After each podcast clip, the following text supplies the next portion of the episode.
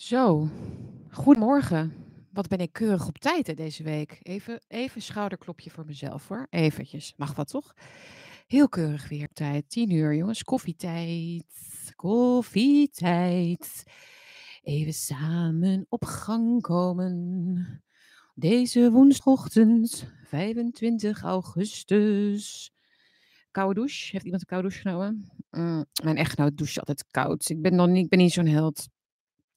Het schijnt heel goed te zijn voor je immuunsysteem.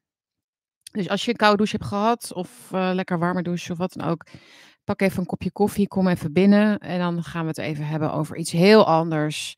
Uh, over Harskamp. De berichten die gister, over gisteravond, dat daar uh, nou, 300 mensen nogal boos waren. Zeg maar op de aankondigingen dat daar 800 Afghanen zullen worden opgevangen. In de buurt van Ede is dat trouwens, voor wie dat niet wist. Ik wist ook niet waar Harskamp was, maar goed. Men leert aldoende. Uh, iemand gaat nog koffie halen, heel goed.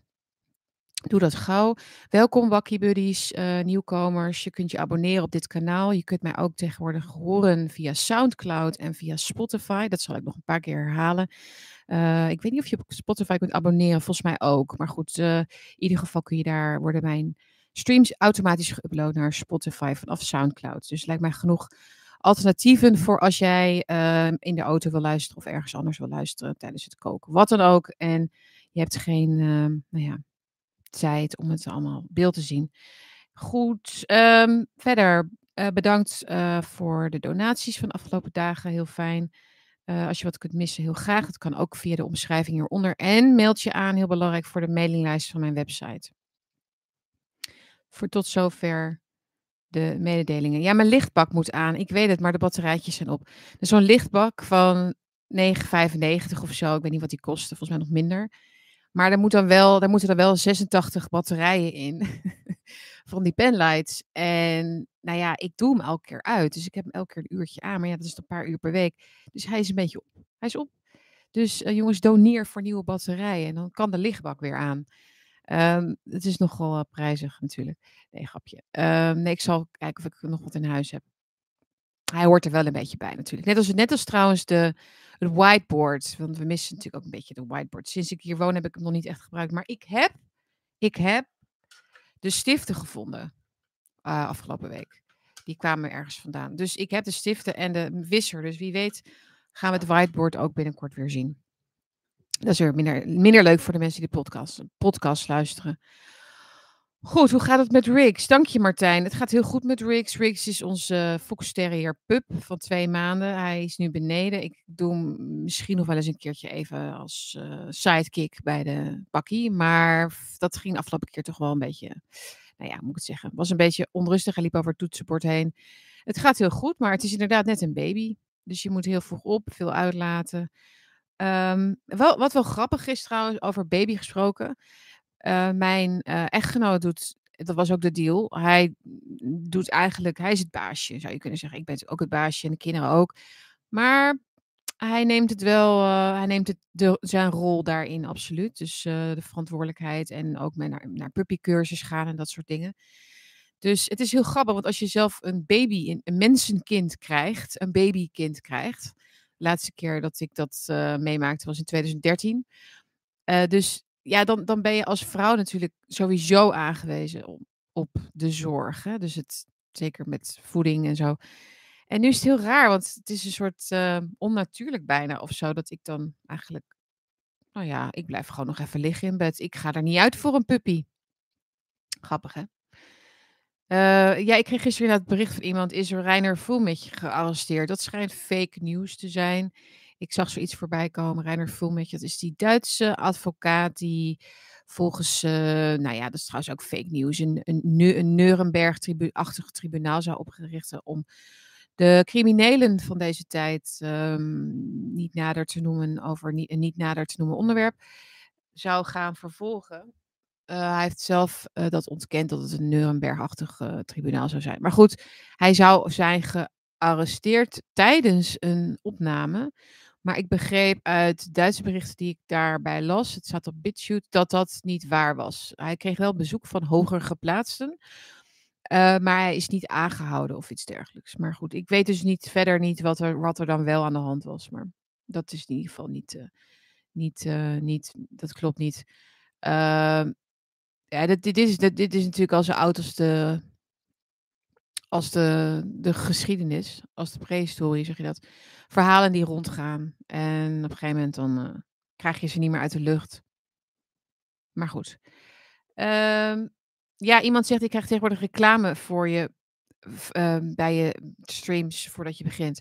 Oké, daarover, dat is eigenlijk heel vervelend. Ik wil het ook eigenlijk niet. Maar ik probeer het wel even uit. Ik heb deze maand 44 euro. Dus dat is over. Ik heb het niet over. Ja, ja, goed, de maand is bijna. De afgelopen 28 dagen, zoals het dan heet. Ze gaan per vier week 44 euro uh, opgehaald met de, met reclameinkomsten. Dus voor mij is dat niet zo heel erg interessant.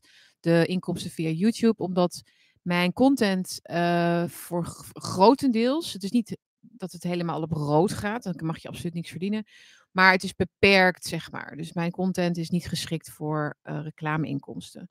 Dus daarom is het mijn afweging van, ja, zet ik hem aan of zet ik hem uit? Um, ik denk dat ik daar um, komende dagen even beslissing over neem. Het is niet, niet prettig, maar goed, je, je kunt het toch beperken tot een bannertje of zo, geloof ik. Ik weet het ook niet, jongens. Uh, ik probeer het voor jullie in ieder geval zo gebruiks- en kijkvriendelijk mogelijk te maken. Dat weten jullie. Oké, genoeg. Uh, we gaan het hebben over Harskamp. Verder niet um, andere dingen. Ik ben echt helemaal kotsbeu van de C.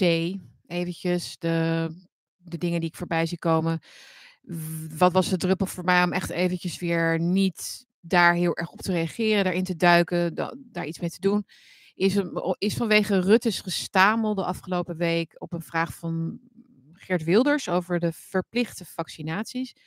En hij zei daarbij: Ik wil, ik wil het, ik wil dat helemaal niet. Wij willen dat helemaal niet. Wij, wij willen dat helemaal niet verplichten. Laat dat duidelijk zijn. dit is letterlijk wat Rutte zei dus. Uh, en hij zei ook nog, het, en hij ratelde een beetje door daarover, om een beetje soort van aan te geven dat dat, dat, dat echt nog helemaal niet in vragen is. Dat, dat zou natuurlijk kunnen gebeuren, ontstaan, dat er een een situatie ontstaat waarin je die verplichting, maar dat is, hij wilde benadrukken, dat is nog lang niet aan de hand. Het is, hij, toen zei hij, het is niet alsof we iets stiekem aan het voorbereiden zijn. Oké, jullie weten wat ik nu misschien ga zeggen, omdat ik dit vaker noem, benoem. Als mensen antwoord geven op een vraag en verder gaan in hun beantwoording dan de vraag eigenlijk opent. Hè, dus wat het antwoord, een vraag opent, zeg maar, een mogelijke antwoorden. Uh, wat Rutte vaak doet, is dat hij vooruitloopt of dat hij een soort van dingen toevoegt aan zijn antwoord, die eigenlijk helemaal niet nodig zijn om een antwoord te geven. Dus dat is dus bijvoorbeeld, het is niet alsof we stiekem iets aan het voorbereiden zijn. Dat is, dat is meer, meer aangeven in de ontkenning, dus vooral. Hè. Dus je ontkent iets als om de, om de vragensteller te gerust te stellen over iets wat misschien nog niet eens in zijn hoofd zit, maar blijkbaar wel in het jouwe. In Rutte's hoofd zit dus dat wij denken dat er stiekem iets wordt voorbereid. Tada! En dat is niet aan de hand. Het is niet stiekem. Het is wel dat het al vast ligt, maar het is gewoon niet dat jullie denken dat het stiekem is of zo. Begrijp je? Dit is zo duidelijk uh, een, ja, zeg maar de, het, het reclamebord wat wisselt, zeg maar, van, van, van bord. Wat, wat ik elke keer zie. dus we gaan niet verplichten. Oh ja, toch wel. Oh ja, alleen maar nu is het nodig. Ik ben daar zo. Ik, het is ook. Ik, gisteravond bij het eten had ik het aan, aan tafel over. Het is alsof er in dit land helemaal geen regels meer zijn of zo. Geen wetten.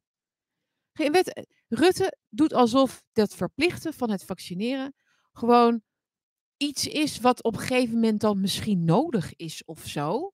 Onder omstandigheden zou dat dan nodig kunnen zijn.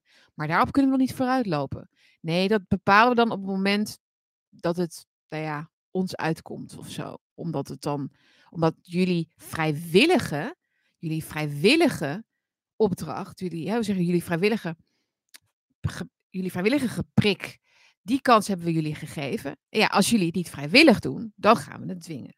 We willen liever dat het volk vrijwillig de kooi inloopt, dan dat wij ze natuurlijk moeten dwingen. Dat is sowieso veel beter voor onze aansprakelijkheid en alles eromheen, dat jullie het zelf allemaal jullie zelf aandoen. Maar als dat niet lukt, dan dat is natuurlijk wat hij bedoelt. Hij wil het niet verplichten. Net als dat een iemand die iemand mishandelt, een man die zijn vrouw mishandelt, zegt: Ik wil jou helemaal niet slaan. Ik wil jou helemaal niet mishandelen. Ik wil jou helemaal niet tergen. En, en ik wil helemaal niet vreemd gaan. Ik wil helemaal niet van je stelen. Ik wil helemaal niet. Maar ja, uh, als jij zo doet, dan geef je mij geen keus. Dat is een beetje wat ik uh, bij Rutte voel, zeg maar. Nee, maar goed, alsof er geen wetten meer zijn. De we zitten in een soort. alsof de grondwet is gewoon überhaupt niet meer in ons, in ons bestaan, in, in, in, in, de, in de juridische werkelijkheid aanwezig. Rechters zetten hem opzij, politici zetten hem opzij, de intellectuelen van, deze, van dit land zetten hem opzij. Op de universiteiten wordt geen enkel serieus intellectueel debat gevoerd. Laat staan een ethisch intellectueel debat gevoerd over deze, uh, over deze crisis. Over de morele implicaties van het vaccineren van kinderen met een experimenteel vaccin. Um, ik noem het toch weer vaccin, ik wil het V noemen. Maar, maar er, is, er is op geen enkel front nog een soort um, respect. Respect is een totaal over, overused woord in Nederland. Maar goed, dit noem, nu vind ik hem even gepast. Er is geen respect voor de wet meer. En hij wordt een soort weggemasseerd uit ons collectieve bewustzijn. De wet, de regels. Het is, ik wil het nog even herhalen in de grondwet en in andere regels is uitvoerig geregeld dat de overheid niet, jou niet mag dwingen tot een medische behandeling. En er is geen enkele noodzakelijke uh, uitzondering daarop te maken. Ook niet via de coronanoodwet, die uitgaat van een pandemie die er niet is. Um, maar goed, daar wilde ik het dus allemaal niet over hebben, waar ik het net de afgelopen vijf minuten over had. Maar dat was de reden, omdat ik het niet kan aanzien soms dat, dat er. Uh, dat, dat er. Nou ja, dat het bestaande eigenlijk eventjes. Eh, ja, dat, dat daar een doek overheen is gegaan. Dat we daar nu even niet meer naar mogen kijken. En dat het alleen maar praatjes zijn. Wetteloosheid is er, regeert in Nederland. Wetteloosheid. Wetten, we hebben geen wetten meer nodig, want er is crisis. Ja, I don't think so. Um, Oké. Okay.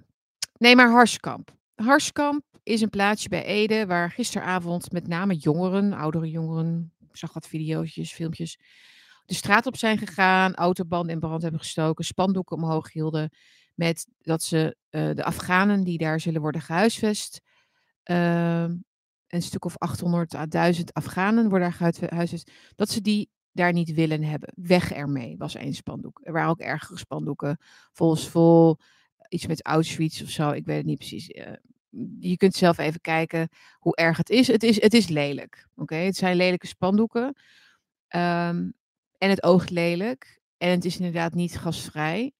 En het is ook niet de oplossing om zo op die manier te protesteren tegen die paar honderd duizend, of, duizend Afghanen in jouw buurt.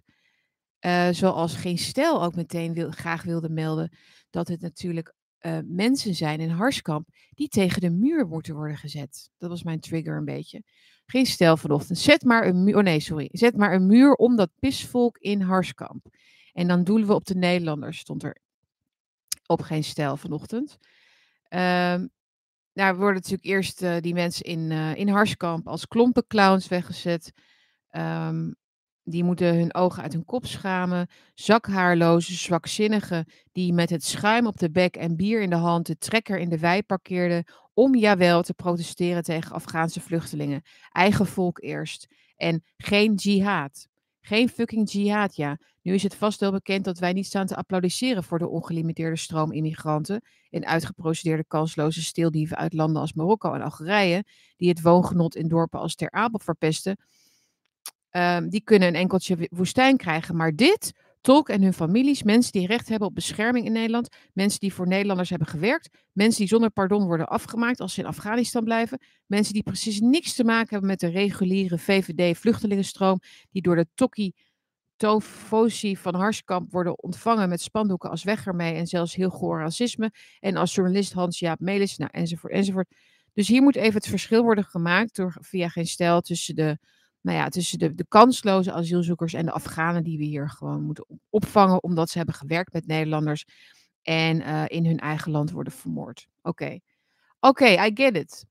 Maar uh, waarom ik deze stream uh, noemde, waarom, hars, waarom um, hars, hè, dus waarom dit iets over, over ons land nu zegt, de reacties hierop, is, is omdat dit is wat je krijgt als je um, niet als overheid de eigen bevolking helemaal onderaan het prioriteitenlijstje zet. Bij alles. Bij klimaat, bij corona, bij immigratiepolitiek, bij EU-beleid enzovoort. Het hele lijstje. Er is eigenlijk geen onderwerp in Nederland te bedenken wat, van het publiek, wat in het van, publiek belang is. Hè? Dus uh, even afgezien van je eigen natje en droogje en uh, regeltjes uh, die jou zelf aangaan, maar het publieke belang, dus het belang van het land.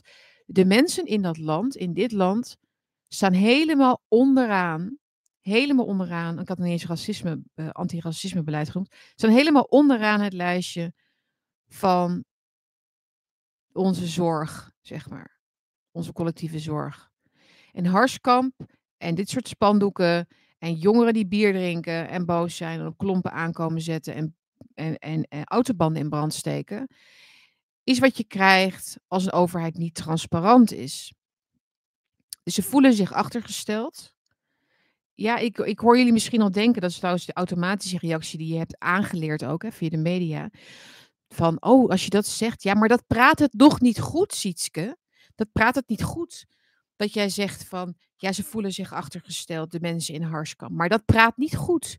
Dat jij tegen mensen zegt, die vluchten voor hun leven, weg ermee. Dat praat, ja, maar dat is ook niet het punt wat ik wil maken. Ik praat ook niks goed, maar ik maak een ander punt. Het punt is dat wat kunnen wij verwachten van klompendragende jongeren in, in, in, in de buurt van Ede, die niet die dus in de provincie leven, die de hele tijd worden geconfronteerd met randstedelijke arrogantie, uh, regeltjes voor waar ze op het, wat, wat ze op hun erf allemaal mogen en niet mogen. Wel, wanneer ze hun kippen moeten laten vaccineren, et cetera, et cetera. Allemaal regeltjes die niet gaan over hun eigen leven. Hun eigen leven is alleen nog maar in, hun, in de onderlinge samenhang van deze groep mensen een, iets waard nog. Dus zij hebben, onderling hebben zij nog iets van een, van een bestaan. Maar zij worden natuurlijk door de overheid nou ja, en door mensen als bij, bij Geen Stijl, dus weggezet als stokkies. Dat is eigenlijk gewoon het bewijs voor mijn punt. Zij, hoe kunnen we verwachten van mensen die niet op de hoogte zijn van alles, um, omdat de wereld complex en ingewikkeld is. Hoe kunnen we van hun verwachten dat zij het verschil gaan maken of kunnen maken tussen Afghanen die, uh, nou ja, met een goede reden hier komen en dat de Taliban ze heeft weggejaagd en dat het een oorlog was waar wij dus blijkbaar zelf ook schuld aan hadden. Dus we hebben een morele plicht om die mensen op te vangen. En hoe moeten we dat dan afwegen? Want er zijn meer mensen op de wereld die hebben ook hele erge dingen meegemaakt. En deze mensen hebben een voorrang en ze moeten, eh, moeten, hun familie moet ook meekomen. En oh, wacht eens even. Maar hoe zit het dan met uh, alle andere mensen die daarna nog komen, die geen tolken zijn, maar die zijn ook heel zielig. Uh, hoe gaan we dat dan doen? Hoe zit het eigenlijk met, uh, met de woningnood überhaupt? Oh, misschien. Oh ja, dat was een oproep. Oproep van. wie was dat nou? Nee, er was een oproep in ieder geval geweest vanuit de overheid aan mensen om een Afghaan in huis te nemen. Dus of we even een Afghaan in huis willen nemen, want dat is immers onze morele plicht. In het dorpje Spa in België zijn ook honderden Afghanen nu gehuisvest, waar ze dus net een watersnoodramp hebben gehad. Een watersnoodramp die in de krant heeft gestaan omdat het door klimaatverandering komt. En daarom moeten wij nu allemaal nog veel meer vervelende dingen gaan doen, zodat we Spa kunnen helpen om een beter klimaat te krijgen. Maar de mensen daar, die met hun huizen zitten, hun kapotte huizen, die moeten maar even Afghanen gaan, gaan opnemen in hun, in, hun, in hun gemeenschap. Mensen mensen zijn op de laatste plek beland. En je mag het helemaal niet meer zeggen. Onze eigen mensen. Maar gewoon, het, het, het, gaat niet, het is niet onze eigen mensen.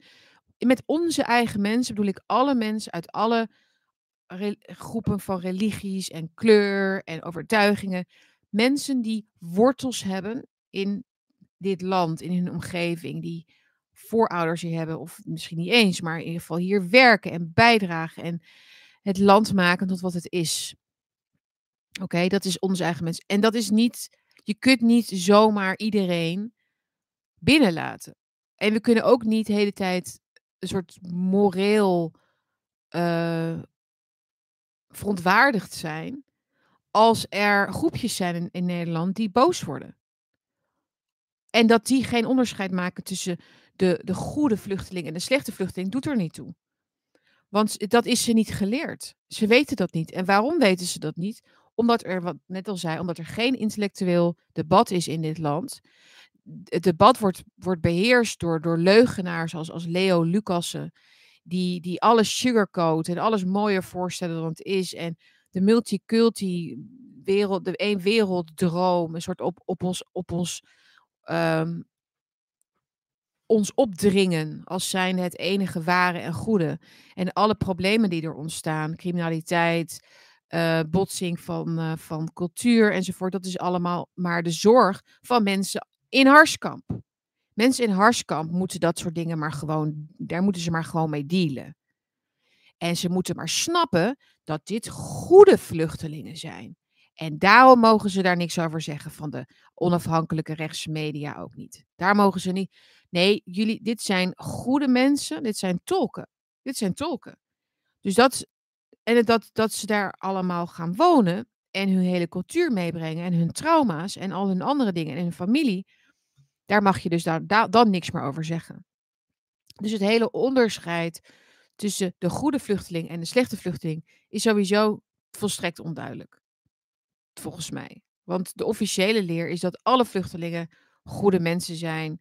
Want uh, ze zijn hier naartoe gekomen. En ze kunnen niets fouts doen. Want ze zijn immers. Nee, dat is volgens mij ineens geschiet met de binnen. Waarom, waarom is het volgens de progressieve kasten, de linkse um, de linkse club, laat ik het maar even zo, de linkse kerk, zo dat vluchtelingen altijd goed zijn en iets komen brengen in plaats van halen, is omdat zij dankbaar zullen zijn dat wij ze zo behandelen. De goedheid van vluchtelingen wordt door echte serieuze, ernstige linkse deugers geprojecteerd vanuit hunzelf op de buitenlanders. De buitenlanders. mensen van buiten, laat ik het zo even noemen. Zielige mensen, in hun ogen. Niet in mijn ogen.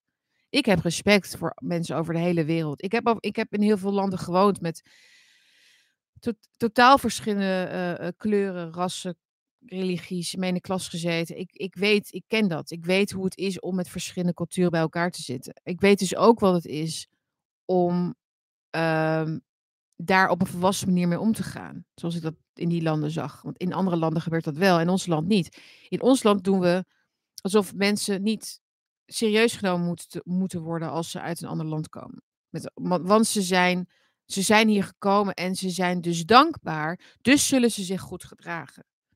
En omdat ze zich goed zullen gedragen, hoeven we niks van ze te vragen. We hoeven niks van ze te vragen. Ze hoeven niet te werken, ze hoeven niet de taal te leren. Uh, nou, het voordeel van de tolken is natuurlijk dat ze dan al wel Nederlands spreken.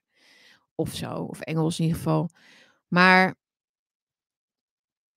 ja, ik. Uh, en, het, en, en, misschien is het een andere vraag nog aan jullie. Is het een vraag aan jullie? Maar voelt het ook niet gewoon als te veel? Dit is te veel. We krijgen nu een vluchtelingencrisis bovenop die we al hebben gehad in 2015. Die begon in 2015.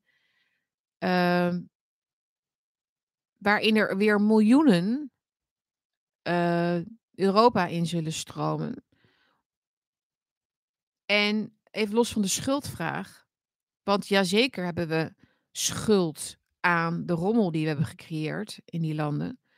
Ja, Amerika met name. Maar we vonden het allemaal wel best, hè, zolang, het, zolang het daar gebeurde.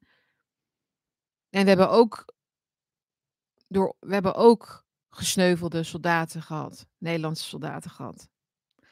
Dus er, we hebben ook een rol, een kwalijke rol gespeeld. Maar voelt het niet als te veel? Ehm,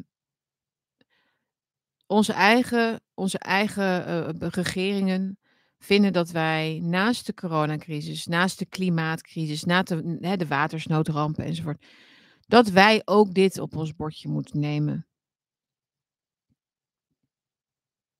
Want waarom niet? Waarom niet? Jullie moeten, jullie komen op de aller, aller, aller, allerlaatste plek. Wie denken wij wel niet dat wij zijn? Hè? En Nederland is, is wat dat betreft ook het meest egalitaire land ter wereld, denk ik. Want wij vinden dat we zo weinig waard zijn, dat we zo gelijkgeschakeld moeten worden aan de rest van de wereld. In, in de zin van armoede en lage verwachtingen en culturele armoede ook, zou ik willen zeggen. Uh, we zijn zo egalitair dat we de boven ons geplaatste eigenlijk laten wegkomen met het huisvesten van de armste mensen uit de wereld in onze voortuinen. Want wie denken wij wel niet dat wij zijn? Wie denken, jij Nederlander, wie denk jij wel niet dat jij bent? Dat jij niet solidair bent en kunt zijn met de hele wereld. Jij moet solidair zijn met de hele wereld. En dit zijn echt, echt vluchtelingen, oké? Nu kunnen jullie echt niks meer zeggen daarover. We hebben natuurlijk de constante instroom van uh, gelukszoekers uit Noord-Afrika. Oké, daar kun je nog wat van zeggen. Ook dat mag je niet zeggen hoor, trouwens. We denken nu dat dat een soort, dat is nu oké om te zeggen. Dat is niet zo. Uh, dat, is, dat zijn ook gewoon maar mensen. Iedereen, het zijn gewoon maar mensen. Ja, dat weten we. Maar wij ook. En het is te veel. Het is te veel op ons bordje. Omdat het niet alleen maar is van waar gaan we die mensen huisvesten? Wat gaan we, hoe, gaan, hoe, hoe is dat, wat voor impact heeft dat op ons land straks? Als um, hele steden straks um, overwegend niet-westers zijn. Dat soort, dat soort, dat soort debatten en, de gesprekken zijn er dus helemaal niet in Nederland op, aan de universiteit. Daar zijn ze veel te druk met het officiële verhaal. Dat dit nou eenmaal de toekomst is van de wereld. Dat is alleen maar goed. En weg met al die blanke white supremacy. Dat is wat ze leren nu. De universiteiten, ook de studenten. Dat is de, het verhaal. En en, het is, en het is te veel. En misschien is dat wel de bedoeling dat het te veel is. Dat we. Dat, we, dat alles kapot moet of zo. En dat is dus niet de schuld van deze individuele mensen. Deze individuele mensen, deze Afghanen, hebben er niet voor gekozen dat we in de wereld leven waarin we nu leven. Maar er is ergens natuurlijk een keuzemoment, ergens in die hele keten van wa wat we aan het doen zijn. Zijn er toch wel mensen die keuzes maken, of niet? Is dit echt wat we willen? Elkaar in de haren vliegen, om, ook hier weer om. Hè? Dus niet. Uh, ik, denk niet ik denk niet eens dat, dat, dat de mensen in Harskamp gisteravond hun woede hebben geprojecteerd op die Afghanen zelf. Dat, dat was wel duidelijk, toch? Uit, uit de boodschap. Dit is een boodschap, een middelvinger naar de overheid naar, naar het COA, naar de willekeur, um, naar de oneerlijke verdeling van lasten. Dat er geen huizen zijn voor deze jonge mensen die op de straat. Er zijn, er zijn geen huizen voor deze jonge mensen die de straat op gaan in Nederland, welvaartsland Nederland. Misschien moeten ze eerst, misschien moeten de, de mensen op klompen in, in, in de buurt van Ede die daar wonen en, en dit niet zo'n leuk plan vinden, Misschien moeten die eerst tolk worden in een ander land. En gevaar lopen. En dan terugkomen naar Nederland. En misschien dat, het dan, dat ze dan worden gezien. Als de mensen hier. Maar ook de hele verwachting. Ook, dat, dat een overheid miljoenen mensen in Europa wil huisvesten. Uit andere culturen. Die dus groot zijn gebracht met uh, radicale islam, onder andere. Dat zit gewoon ook in hun systeem. Je kan zeggen, ja, ze zijn ervoor gevlucht. Maar als dat zo is, waarom zijn niet alle moslims spontaan christen geworden in het Westen. Onmiddellijk. Oké, dus there goes your argument. Er is, er is iets van een, er blijft, dat blijft. Hè, dus de, dat kun je niet uitwissen. Dat werkt, dat werkt zo niet met mensen. Ehm, en de toekomst van, de, van jonge mensen in Nederland is dus onzeker. Om, om, om zoveel redenen. We doen ze al zoveel aan, eigenlijk. Eh, en ze hebben al zo weinig geprotesteerd, wezenlijk. Ik bedoel, laten we wel wezen. Is het dan, is het dan zo erg? Mag het dan eventjes zo zijn dat als het in hun eigen buurt gebeurt, dat ze boos worden? Dat, het, ze op, dat ze het gevoel hebben dat het ze opgedrongen wordt? Dat je van deze mensen niet hoeft te vragen om een moreel-ethisch dilemma door hun hoofd te laten gaan. En dat ze dat dan helemaal bespreken. Van ja, dit zijn wel mensen die zijn wel goed en zo. Die hebben serieus wel voor ons gewerkt. Voor ons gewerkt ook. Dat zag ik ook ergens staan. Ja, maar deze Afghanen hebben voor de Nederlanders gewerkt in Afghanistan. Dus, die, dus, die hebben, dus daar mag je niks over zeggen. Die mogen allemaal hier komen. En hun families. Ja. Eh, volgens mij eh, zijn de boeren in Nederland ook voor de Nederlanders aan het werk. Oké. Maar die moeten, omdat er, omdat er een, een, ehm, een theekopje stikstof in hun bodem zit, moeten ze hun, hun hele bedrijf verkopen. Eh, Dat is, dat is hoe we mensen behandelen in Nederland die werken voor de Nederlanders. Dus dan krijg je dit. Dit is, het is niet vrij wat ze zeggen. En je moet menselijk zijn als er mensen, als mensen op jou. Ik vind de, uitgangs, eh, het uitgangspunt moet zijn als er mensen zijn op jouw bodem, eh, jouw territorium. dus dat je ze dan moet, voor ze moet zorgen. Ehm, dat je een bepaalde plicht hebt. Als ze, als ze hulp nodig hebben, laat ik het zo zeggen. Maar dat dat niet, dat dat niet ongelimiteerd gaat en niet oneindig. Maar goed, dat is alweer zo'n, zo'n oudbollige mening. We kunnen ze niet eeuwig hier houden, zeiden we in 1975. Ja, ja.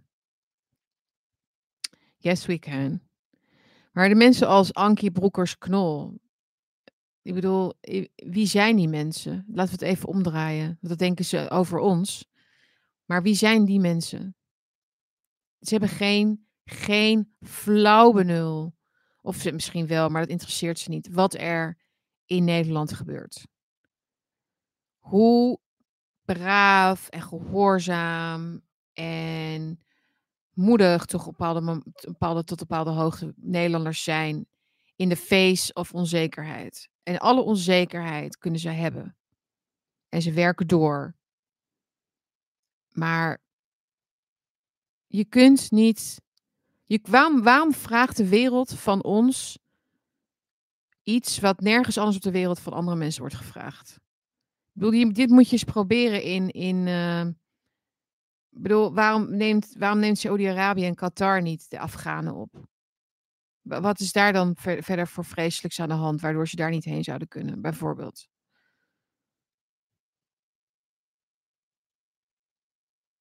Nou ja.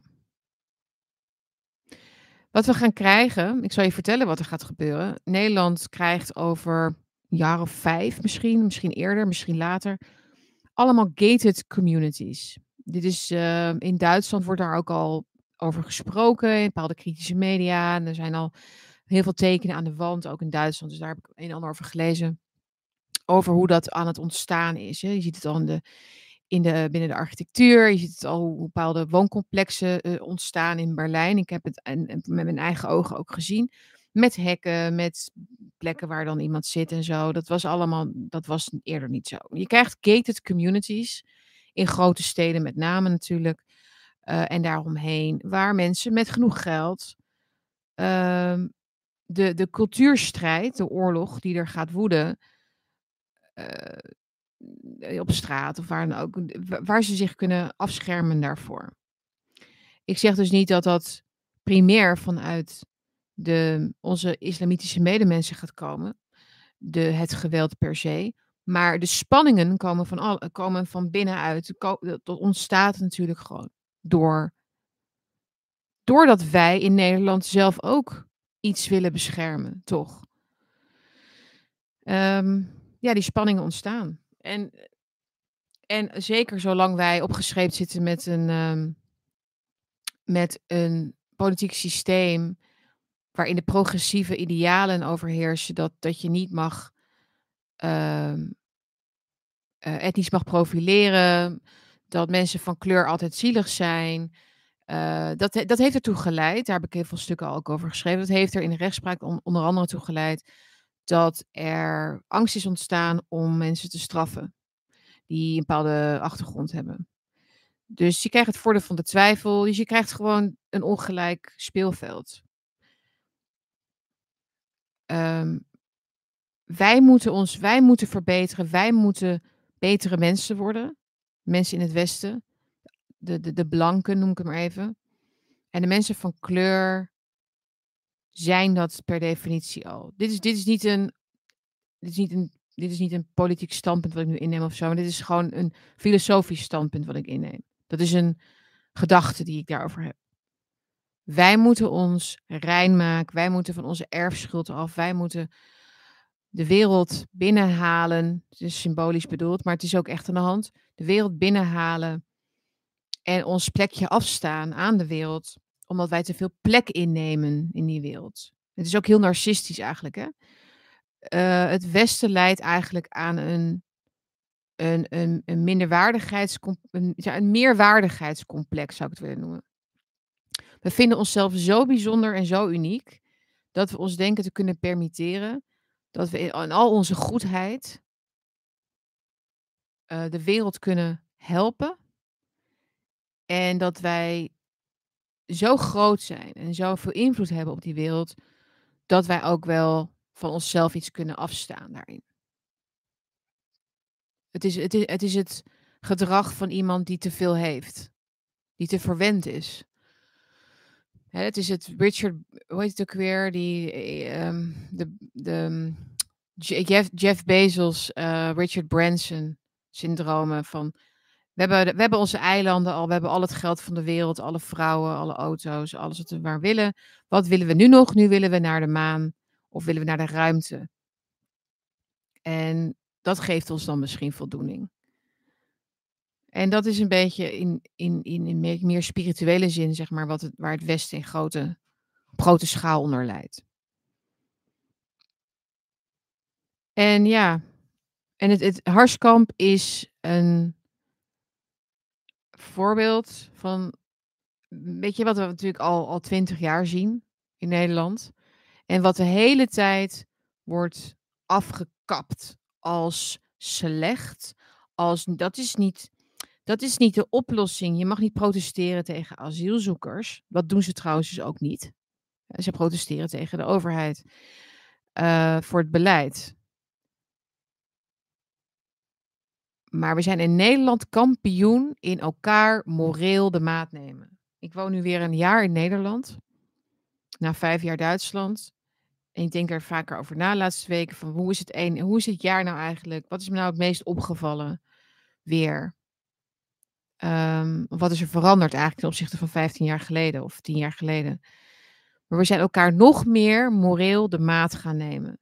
En het moet egalitair. Alles van waarde moet kapot. Niets is.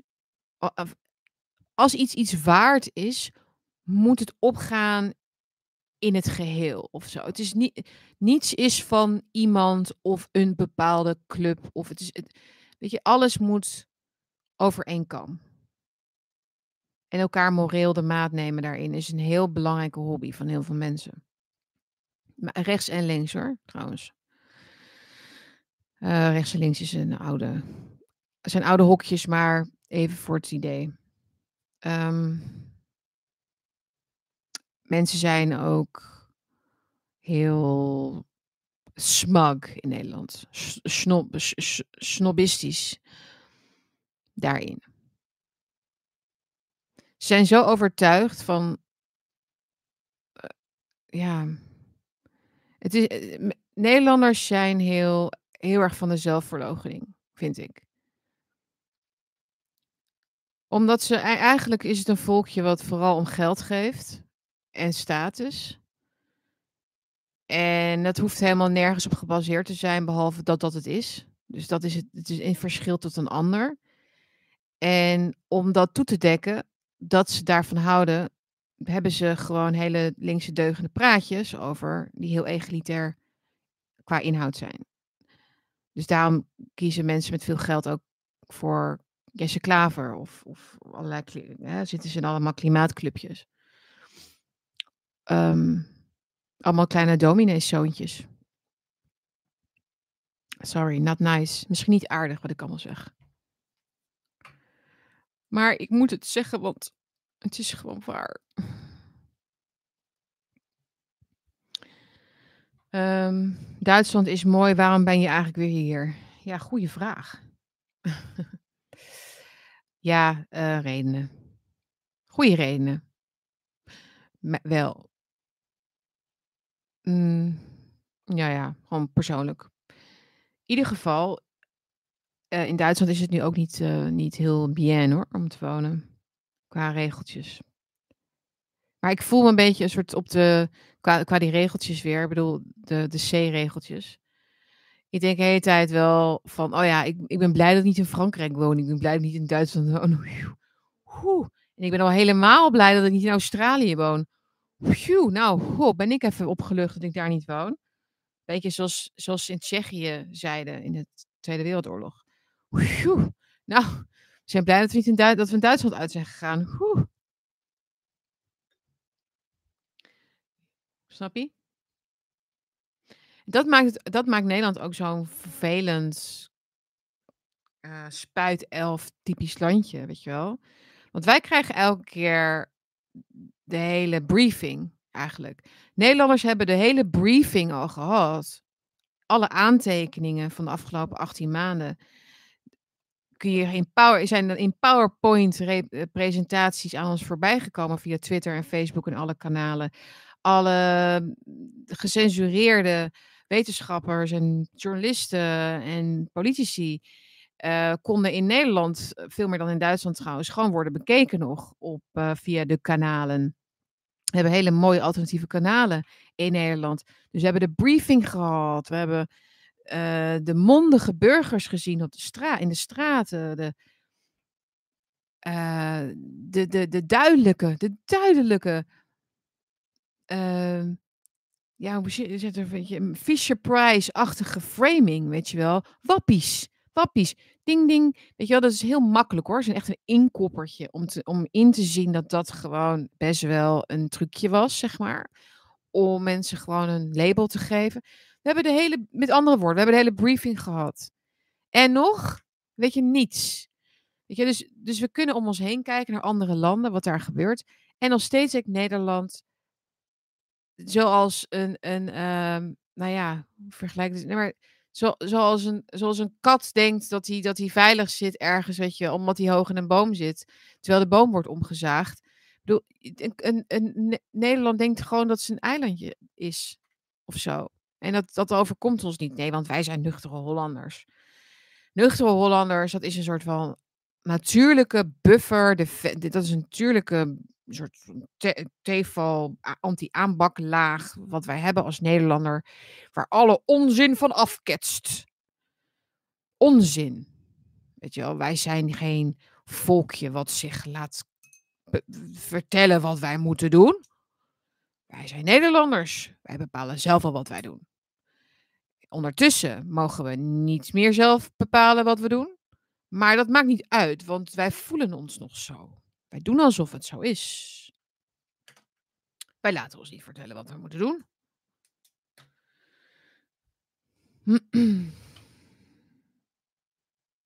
Goed. Een land waar zijn geschiedenis en cultuur is gecanceld is een land zonder ziel, leeg. Ja. We zijn cultureel arm, beroofd, bezig gehouden eigenlijk met overleven op een bepaalde manier zonder dat we het door hadden. Omdat we heel erg de afgelopen decennia met vermaak werden koest gehouden. Eh, er is veel, meer vermaak natuurlijk bijgekomen. We hebben welvaartsgroei gehad. Dus dat, hebben, dat heeft de zaak heel erg vertroebeld, denk ik. De welvaartsgroei heeft ons heel erg doen vergeten dat uh, er niet een vermenigvuldiging is geweest van, van cultuur en, en van, van um, vooruitgang, zeg maar, in die zin. Dus dat is een um, eigenlijk interessant uh, fenomeen voor misschien de historici van later om te verklaren hoe dat komt. Maar is, dat is wel een prijs die we gaan betalen, denk ik. Die, dat hedonistische uh, van de afgelopen decennia heeft een prijs. Want je kunt je niet wapenen tegen gekte met het betalen en het doen van aflaten alleen. Je moet ook weer principes hebben en kunst maken en je afzetten tegen de macht daarmee. Niet, met, niet, met de, niet alleen met gele parapluutjes, zeg maar. Weet je hoe je, hoe je mensen met. Hoe, ja, ja. Hoe je zeg maar het ideologisch vacuüm binnen de politiek nu. Want de VVD is niet meer liberaal. Dus weet je, wat, wat zijn ze eigenlijk aan het doen? Ze staan helemaal nergens meer voor. Ik denk dat iedereen daar wel mee eens is. Wat is de beste uh, aanval tegen zo'n systeem? Is ideo ideologie. En daarom hebben ze ook ideologie bedacht voor de massa. Zodat we denken dat we ideologisch bezig zijn. Hè. Daar is, hè, denk aan de klimaatbeweging, Extinction Rebellion, Black Lives Matter. Um, dat is zeg maar de, de, de, de pride, hè? dus de, de, de, de regenboogvlag. De regenboogvlag is wat ze ons gegeven hebben als een soort iets waarmee we ons kunnen uiten en identificeren. Maar het is natuurlijk tandeloos. Het, het heeft geen betekenis. Het is, het heeft, het, is één, het is één concept. Ze hebben ideologie als zodanig geconceptualiseerd.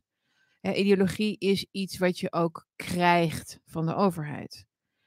En, en omdat de boodschap is, je moet jezelf kunnen zijn, lijkt het alsof dat dus tegenover de macht wordt gezet. Maar dat is een illusie. Letterlijk een illusie en een luchtkasteel. Dus daarom, moet je, daarom is kunst. Kunst mag nooit worden gemaakt met goedkeuring van de mensen die boven jou zitten of staan. En dat is waar ze natuurlijk bang voor zijn. Maar wij, wij, wij zelf blijkbaar ook. Blijkbaar moeten wij zelf als mensen ook bang zijn voor de kunst die we zouden kunnen maken. En de gedachten die we zouden kunnen uiten. En de ideeën die we zouden kunnen krijgen over onszelf, wie we zijn. En eh, mensen vragen ook wel eens van, ja, maar hoe doe je dat dan en zo? En hoe kun je dan daaruit losbreken? Want het is nu een beetje zo van een puntje in het midden, een stipje van u bent hier en een groot niets eromheen. Van ja, hoe komen we dan ergens anders met onze ideeën en idealen. Doen. Het is gewoon, uh, het is gewoon doen. En het begint met uh, steentjes in de vijver en kijken wat er ontstaat. En het makkelijkste wat mensen doen, en dat is vaak niet de juiste manier, denk, denk ik, is dat heel erg doen vanuit rancune en boosheid. Van ik, hè, dus dan doe je eigenlijk hetzelfde. Ik heb recht op mijn plek hier. En ik wil dat die plek wordt erkend als zodanig. Dus oh, je bent een kunstenaar. Dat is wat, wat de muziekindustrie natuurlijk nu doet. De culturele sector, de BN'ers. Ik heb recht op mijn plek hier, want ik ben een maker. Ik ben een, creat ik ben een singer-songwriter. Ik ben een, uh, mediamaker. Ik ben een... Uh, ik, ik, ik sta op podia, ik doe dingen. Ik, ik, ik, ik beteken iets voor mensen. Erken mij in mijn plek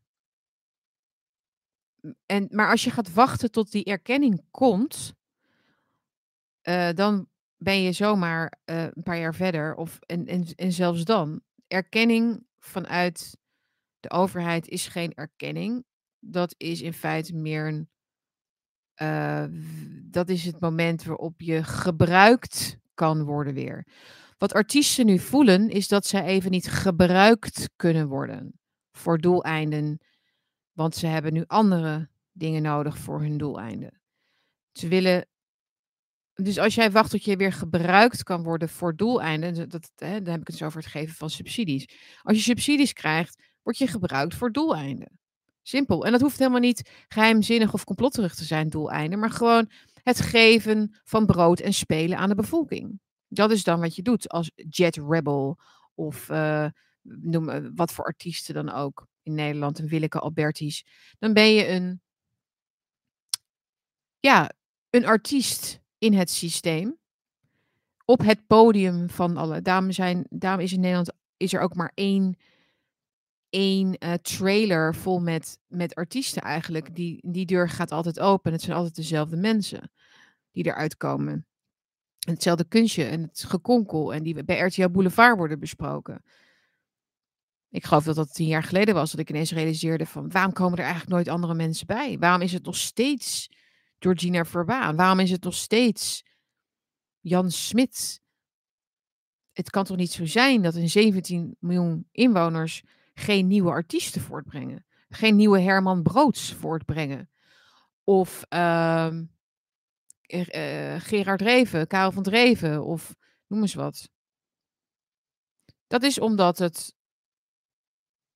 het systeem wordt zo gefinancierd en met straf en beloning en prijsjes wordt het zo gecreëerd dat, dat je er niet bij komt, als het ware. Maar het wordt ook niet geprobeerd, omdat de gedachte is, omdat we een egalitaire samenleving zijn, dat je, dat je erkend moet worden voor wat je kan. En dat, en dat je dat niet op eigen kracht kan of wat dan ook. En dat is volgens mij niet waar. Was ik maar een zangeres, denk ik wel eens. Dan zou ik het wel weten.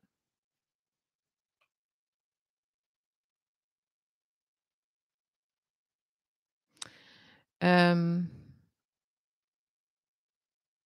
ja, dat, dat punt heb ik ook even mooi gemaakt. Jee, prikspijt. Ik zie jullie hebben het over prikspijt. En we gingen het nog wel niet over de C hebben vandaag.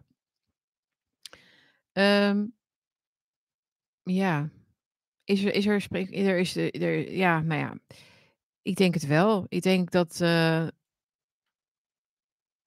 ik, ik, vind het, ik, zou, ik vind het dapper als mensen dat durven te uiten ook. Ik bedoel, dat is, dat is best moeilijk. Kijk, het is één dat mensen niet openstaan voor feiten om zich te laten overtuigen. Dat is algemeen, algemene aanvaarde kennis over menselijke menselijk gedrag, menselijke psyche, dat mensen zich niet laten overtuigen door feiten, maar door irrationele overwegingen, motieven. Persuasion, alle, alle boeken over persuasion, overtuiging, zeggen datzelfde. Waar mensen zich al helemaal niet door laten overtuigen, is als de feiten veranderen in hun nadeel. Oké, dus dat is even heel belangrijk wat ik nu zeg. Dus stel jij doet Jij laat je overtuigen om de V te nemen, omdat je, ik, eh, dit is niet in de hoofd, hoofden kruipen van mensen, maar dit is gewoon wat ik mensen heb horen zeggen, omdat ze op vakantie willen, omdat ze bang zijn om ziek te worden, omdat ze vinden dat dat een plicht is, een morele plicht is, om uit de crisis te komen. En er zijn er nog een paar. Maar dat zijn de drie meest voorkomende volgens mij. Dat is, dat is allemaal niet erg feitelijk. Ja, dat is allemaal niet erg. Het is niet sluitend, laat ik het zo zeggen. Zeker de eerste niet. Uh, en zeker dat hele concept van solidariteit. Want ik bedoel, het is en blijft een medisch iets. En je moet dat doen omdat je het voor jezelf wil doen. Dat lijkt mij het meest feitelijk.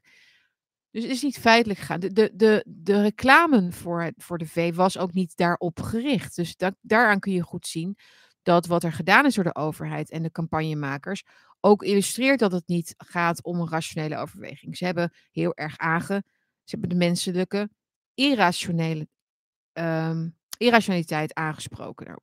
De medemens, emotionele argumenten, allemaal niet medische redenen. Oké, dus dat is een. Je zag dus dat, dat, dat, van twee kanten zag je eigenlijk dat gebeuren. Um, Oké, dus ze hebben dat om die redenen gedaan. Maar dan vervolgens verandert het script. Oké, dus dan verandert het script op bepaalde punten. Het script verandert op het punt dat ze dus niet de vrijheid meer krijgen. Dat er al wordt gesproken over een booster. Over vierde en vijfde V's in de jaren hierna. Over mondkapjesplicht wat weer zou komen. Allemaal dus bovenop hun idee dat ze weer, dat zij eruit zouden zijn daarmee. Dat is dus niet gebeurd. Dus het script verandert. De feiten, waarvan zij dachten dat het feiten waren, wat het niet was, veranderen. Da dat is één. En dan ook nog eens dat er ernstige bijwerkingen worden gemeld van de V. Uh, in een directe omgeving worden mensen, zijn mensen toch wel best wel ziek geworden. Of erger uitvalsverschijnselen, hart, hartspierontstekingen, zelfs ook bij kinderen. Uh, ik vind zelfs dat als jij de berichten die daarover rondgaan, die zijn beschikbaar van wetenschappers, van, van artsen, over wat er met kinderen gebeurt nu. Als jij dat moedwillig ontkent, terwijl je weet dat die er rondgaan, dan werk jij mee aan het vermoorden van kinderen. Dat wil ik even gezegd hebben. Ik zeg niet dat jij volledig aansprakelijk bent daarvoor, maar er is niet een medeplichtigheid aan dat alles is gewoon niet te ontkennen. Dat wilde ik even gezegd hebben. Maar goed, um, dus de feiten veranderen. Maar dus mijn punt wat ik wil maken over prikspijt is hier. Het is ongelooflijk moeilijk om in eerste plaats te erkennen dat je het hebt gedaan om redenen die niet echt goed geïnformeerd waren. Hè? Dus dat, je, dat jouw informed consent misschien meer een soort. Ik denk dat ik het maar doe, want ik wil hier gewoon uit. Ik heb geen zin om na te denken. Dus dat ten eerste. Maar dus je ook bij de, bij, bij de verandering van, uh, van het verhaal. Uh, bereid bent om, om jouw beslissing te herzien. In retrospect. En de beslissing die je niet kan herzien, omdat je hem al hebt genomen. Dat, dat vergt ongelofelijke, en dat, dat meen ik niet, dat bedoel ik echt niet cynisch of sarcastisch, maar dat meen ik echt. Dat vergt ongelofelijke mentale effort en kracht om dat te zien. En daar moeten we dus niet van verwachten dat dat zomaar gebeurt. Uh, mensen laten zich met, mijn punt mensen laten zich niet met feiten overtuigen, maar ze laten zich al helemaal niet met feiten overtuigen als dat hun ongelijk zou aantonen. Snap je het verschil? Dat is ongeveer het ergste wat je iemand kunt aandoen. Ga maar even na voor jezelf. Je kunt vast wel iets bedenken uit je eigen leven dat je dat, je, dat jij stellig volhield. Het is A, het is A. Nee, ik weet zeker dat het A is. Um, Vervolgens blijkt het B te zijn. Iemand wrijft dat in je gezicht. Um, dat is pijnlijk. Weet je, en, dat is, en dan is het heel makkelijk om vol te houden dat het toch A was. Maar goed. Dat is uh, moeilijker. Dat is ook een onderzoek gedaan volgens mij. Door wie was het ook alweer die dat heeft aangetoond? Um, was dat nou Scott Adams? Iemand anders? Ja, dat was in ieder geval. De vaccins waren dan approved, nu officieel, door de FDA in Amerika. Dus uh, officieel bureau, ik weet niet. Maar in ieder geval. Um, en de vraag was dan bij dat onderzoek: heeft dit jou. Um, ga je nu wel de V nemen? Nu je dit weet. Omdat dat dus een reden was voor heel veel mensen om het niet te doen. En dan bleek toch dat, nou, dat maar, maar 5% of zo van de mensen dan alsnog bereid was om het wel te doen. Dus de echte reden die mensen opgeven om het niet te doen. Het is niet officieel erkend door de geneesmiddelenbureaus of zoiets, of de mensen die erover gaan. En op het moment dat dat dan wel zo is, dan vervalt eigenlijk je argument om het niet te doen. Maar dan blijkt dus dat mensen het niet alsnog niet, dat mensen het alsnog niet willen. Dat is dan de conclusie. Dat is ook wat we nu eigenlijk zien. Hè? Het, is, eh, het lijkt alsof onze beslissing in beton gegoten is al, volgens mij. Voor de mensen die het niet willen en de mensen die het wel willen, dat, dat, die, dat is in beton gegoten. Je kunt, je kunt mensen niet een half jaar lang, of hoe lang gaat het al over de wees? Een, jaar, denk ik. Een jaar lang een keuze voorleggen. En op een gegeven moment dan wordt die beslissing gewoon genomen op enig moment. Bij de meeste mensen gebeurt dat helemaal in het begin. Eh, ik wist in het begin al dat ik het niet wilde. Om, om alle redenen die ik jullie in mijn streams heb, al heb genoemd. Ik denk dat ik dat niet hoef te herhalen. Maar het is ook omdat. Um, en, ik denk dat heel veel mensen in de maanden daarna. die twijfelden. Dat kan natuurlijk ook op een gegeven moment wel hebben besloten met wat ze hebben gezien. En zeker de laatste weken denk ik dat die beslissing is uh, in, in overtuiging, laat ik het zo zeggen, is um, toegenomen. Dus daarom staan onze, de hoger geplaatsten boven ons nu voor een dilemma. Want je kunt zoveel campagne voeren en mensen proberen via irrationele wegen of, of, of, of, subtiele of wat dan ook. Je kunt op zoveel knopjes drukken bij mensen. Op een gegeven moment, je kunt ze geld geven, bij wijze van, wat Arnold Grunberg voorstelde. Maar er is een hele grote groep die zich niet meer laat overtuigen om het te doen. En ze, ze, ze melken zeg maar dat hele, die hele fase helemaal uit. Zo zie ik het althans. Ik kan het niet bewijzen of zo, maar ze melken die hele fase uit totdat ze alles hebben ingezet. Elk, elk gereedschap, um, elk stuk gereedschap uit de doos, zeg maar, hebben gebruikt. En dan dan moet het maar met dwang. Dat is eigenlijk heel erg, want dat veronderstelt dat de mensen die het niet willen, zo, hebben eigenlijk zo goed na kunnen denken. Ze zijn eigenlijk door alle verleidingen heen gekomen. Sta daar eens even bij stil, hè. Dus je bent een bevolking. Dus de helft van de Duitse bevolking heeft zich nog niet geveed. Volgens mij is het in Nederland um, een 30% of zo. Ik weet niet, zeggen ze.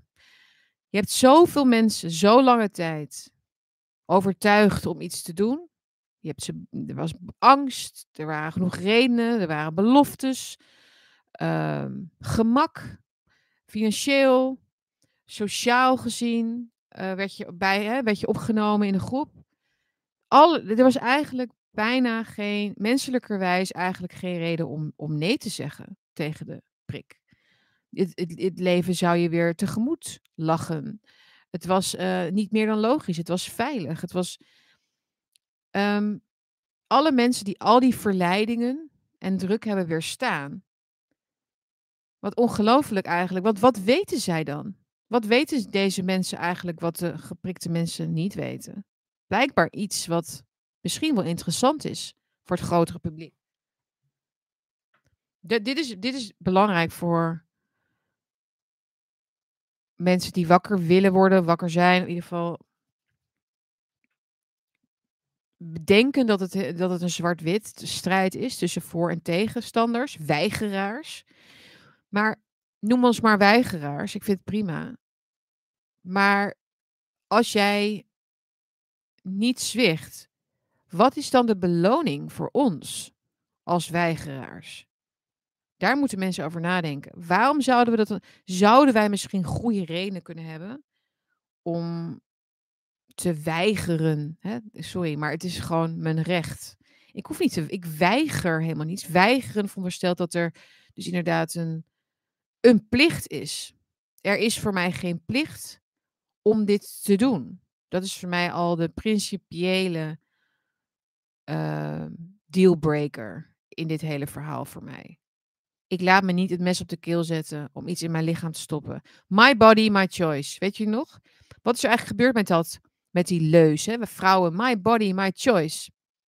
My body, my choice. Ik mag mijn kind laten wegsnijden in de twaalfde week van de zwangerschap, omdat ik een vrijgevochten vrouw ben en ik wil carrière maken bij de gemeente Roelofarensveen of zo. En daarom ben ik my body, my choice. En kan ik niet een zwangerschap gebruiken op mijn 32e, want dat komt wel weer een keer. Of zo, want ik krijg nog zoveel kansen in mijn leven. Sorry. Um, my body, my choice. Baas in eigen buik, dat was altijd het verhaal. Maar ik ben, nu, ik ben nu een vrouw en ik zeg hierover my body, my choice. En dan ben ik ineens een weigeraar. Ben ik dan een weigeraar? Uh, dit zou je dus kunnen zeggen tegen vrouwen die abortus plegen. Dan zou je dus kunnen zeggen: uh, Jij weigert om een abortus te nemen of zo. Of zoiets. Misschien is dat niet een goede vergelijking. Maar het is wel in, in de zin dat er iets wordt gedaan. Hè? Het is niet een nalaten. Het is, het is niet een niets doen. Oké? Het is niet een niets doen. Het is een iets actief iets injecteren. Oké. Ehm, een abortusweigeraar, waarom niet? Ik zie de, ik zie de toekomst uh, nog krankzinniger in hoor, soms dan uh, jullie misschien, maar. Um, is dit ook misschien een reden waarom feminisme zo gestoord is geworden? Dus dat we dat niet meer gaan zien? Hoe, hoe we eigenlijk vrouwenrechten niet gebruiken voor de juiste onderwerpen. Oké, uh, gaat het echt over die mannen die naar ons kijken als we een te strak truitje aan hebben? Is dat echt ons issue? Net met de buitenwereld, zijn we daar echt bang voor? Of gaat het misschien ook over dat lichaam nog steeds? Zou dat misschien hier ook kunnen gelden? Zomaar een ideetje hoor. Goed, ik ga eh, best wel lang door, merk ik. Ik, um, dingen die ik niet eens van plan was te vertellen of op in te gaan, maar misschien wel interessant om uh, een keertje voor te zetten nog. De prik de wang. Ik wil niemand onnodig bang maken. Ik denk ook niet dat het hopeloos verloren is allemaal. Ik denk wel dat nog een jaar of, nou, dat was zomaar een gedachtegevoel wat ik had gisteren. Drie jaar nog of zo. Drie jaar van dit. En dan gaan we de, de echte achterliggende uh, rot gaan we dan zien. De rot, de rot komt tevoorschijn. Want je kunt mij niet vertellen dat wij dit beleid aan het, aan het uitrollen zijn en mensen en dit, in deze, uh, dit leed aan het aanrichten zijn op zo'n grote schaal in de wereld. En dat we onze, al onze westerse idealen en waarden zo in korte tijd op de brandstapel aan het gooien zijn omdat we dat uit onszelf willen. Omdat we dat blijkbaar nodig hebben. Omdat dat blijkbaar vooruitgang betekent of zo. Omdat we blijkbaar aangesloten moeten worden op computers. Omdat wij niet meer genoeg zijn. Omdat we niet meer goed genoeg zijn. Ik denk dat, dat, dat, er, dat er een rot zit ergens. En dat, dat we die gaan aanpakken ergens. Een keer. Of het nou het financiële systeem is. Misschien is het wel zoiets. Ik denk dat het. Ik denk dat het iets nou ja, ik weet het niet. Laat ik het maar niet zeggen. Ik weet niet of ik het uh, dan juist zeg. Um, pedofilie. Pedofilie is, is a real thing, I know. Hoe gaat het met mijn puppy? Nou ja, ik hoop goed. Ik ga uh, even naar beneden, want daar zit hij als het goed is. Uh, hij was aan het slapen, dus hij zal wel wakker zijn. Dan ga ik hem even uitlaten. Um, lief dat jullie het vragen. Mensen die later binnenkwamen, um, ja, abonneer je alsjeblieft op dit kanaal. Je kunt mij ook terugluisteren als je later kwam, dus via Soundcloud en Spotify. Gewoon bakje met Bergsma, heel makkelijk. Je kunt hieronder je aanmelden voor mijn mailinglijst van mijn website, thefireonline.com. Eh, mijn vernieuwde website. Ik heb trouwens mijn lettertype op verzoek aangepast. Iemand vond het te licht. Ik ben het er helemaal mee eens. Dus het is wat beter nu. Beter leesbaar, hoop ik. Uh, en zo zullen er wat kleinere aanpassingen komen in de loop van de tijd. En ook wat grotere aanpassingen nog, maar dat is voor later. Uh, je kunt mij ook ondersteunen met een donatie via de linkjes hieronder of via mijn website ook. En heel veel dank aan alle mensen die dat de afgelopen dagen en weken hebben gedaan. En nou ja, jongens, ehm, leuk. Leuk dat jullie op het hondje reageren. Het is toch de de vreugde die dieren geven is toch wel, ja, het is heel cliché, I know. Cringe, cringe. Maar het is wel zo. Het is, eh, ik, als ik over straat loop nu, dan, dan moet ik heel veel stoppen, omdat iedereen wil aaien en je maakt praatjes en leuke, lieve, fijne mensen. Het is fijn omdat dat dieren dat eigenlijk losmaken. In mensen ook onderling. Sorry, beetje, beetje cliché misschien. Maar het is wel zo. Oké, jongens, ik wens jullie een hele fijne dag. Um, ik hoop dat jullie het interessant vonden. Ik ga morgen um, heb ik een uh, interview. Nee, ja, uh, dat is wel leuk. Voor de Telegraaf. Uh, don't hit me, don't hit me. Nee, ik denk dat het goed is om, om dat soort dingen af en toe te doen. Dus jongens, ik ben er heel blij omdat het dat er ook, op, dat er ook deurtjes open zitten, staan nog. Dus uh, nou ja, en dat ga ik dus morgen doen. Ik zie, ik zie jullie vrijdag uh, weer uh, hier voor het biertje met Bergsma. Dus zorg dat je je biertje koud hebt staan of een ander lekker drankje, een frisje, een theetje, een koffietje. En dan gaan we even verder kletsen. En er is er vast nog wel weer heel veel meer waar we ons over druk kunnen maken. Dus ciao, zie je dan.